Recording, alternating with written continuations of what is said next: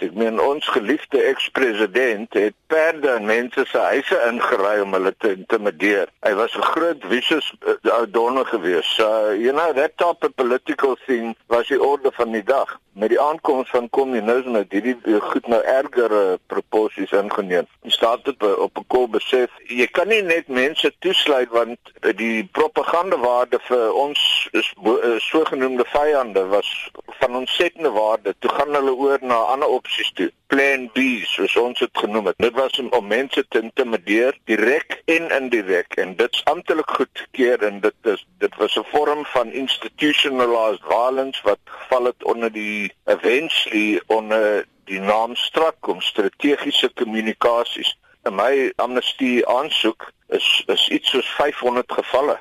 As 'n mens dan nou iemand het wat jy in gedagte het om stil te maak, jy wil nie noodwendig dadelik fisiek raak nie. Watter tipe goed gaan jy doen om vir daardie persoon te sê, luister, ek dink dit is tyd dat jy moet begin aandag gee en be, uh, begin stil bly want jy maak ons ongemaklik. Wil jy kyk waar is hulle swakpunte? Jy weet kyk hoe is die persoon, 'n senuweeagtige persoon, het hulle kinders, dreig hulle kinders.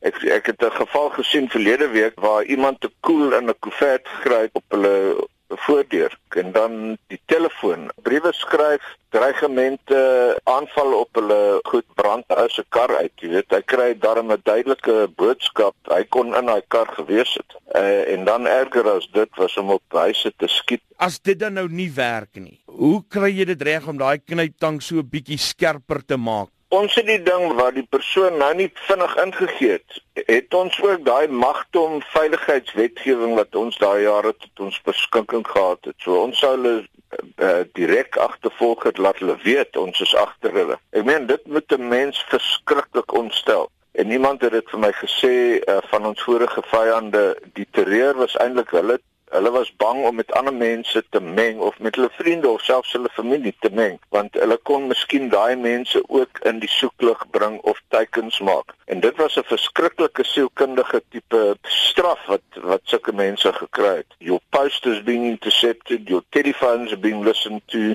en as altyd 'n kar met ouens met donker brille byvoorbeeld, die effek is is baie groot. Ek meen intimidasie, dis hoekom maar wetgewing is. Intimidasie is 'n terrible ding. Op watter punt besluit jy om fisiek te raak? Ek kan jy sê ek is byvoorbeeld opdrag gegee om uh, uit te stop met sy met sy musiekloopbaan. Ek praat nou van Roger Lucek. Ek is sommer die hoofkantoor toe geroep en toe sê hulle my ek my opdrag was stop the music and you can do whatever you want.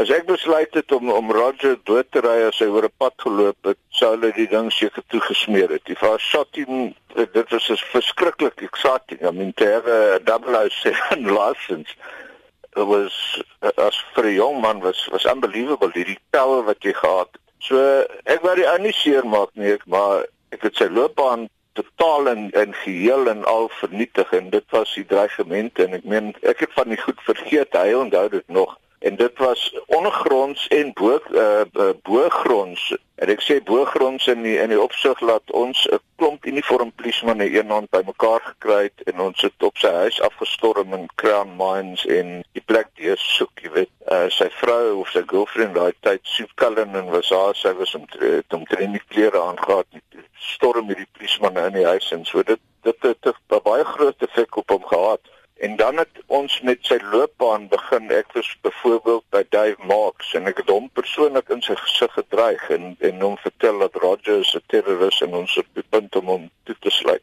Maar sy kar het ook uh, ladies tires down en jy weet sulke goed. So hy hy het dit van alle kante gekry en ek meen dit het gewerk. Daai is hy hy sê dit self, I mean met die never a nervous breakdown is, is actually a miracle.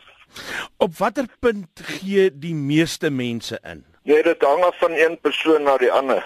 Ek kan jou sê die seker die toughest uh, was natuurlik mevrou Mandela. I mean, die staat kon haar nie breek nie. Ek weet van ander mense wat uh, een keer iets aan hulle gebeur het. Dit was 'n guy Russell, hulle het so 'n kommune ding bedryf in in Germiston. Die veiligheidsstak was hier aan soen met al die gorillas en en hangers aan en soos ons al gesê het, a lot of very very scary people and hierdie ou packed up the next day en hy's land uit en hy's terug Kanada toe and nobody ever heard from him again. So daai tipe intimidasie in daai geval het gewerk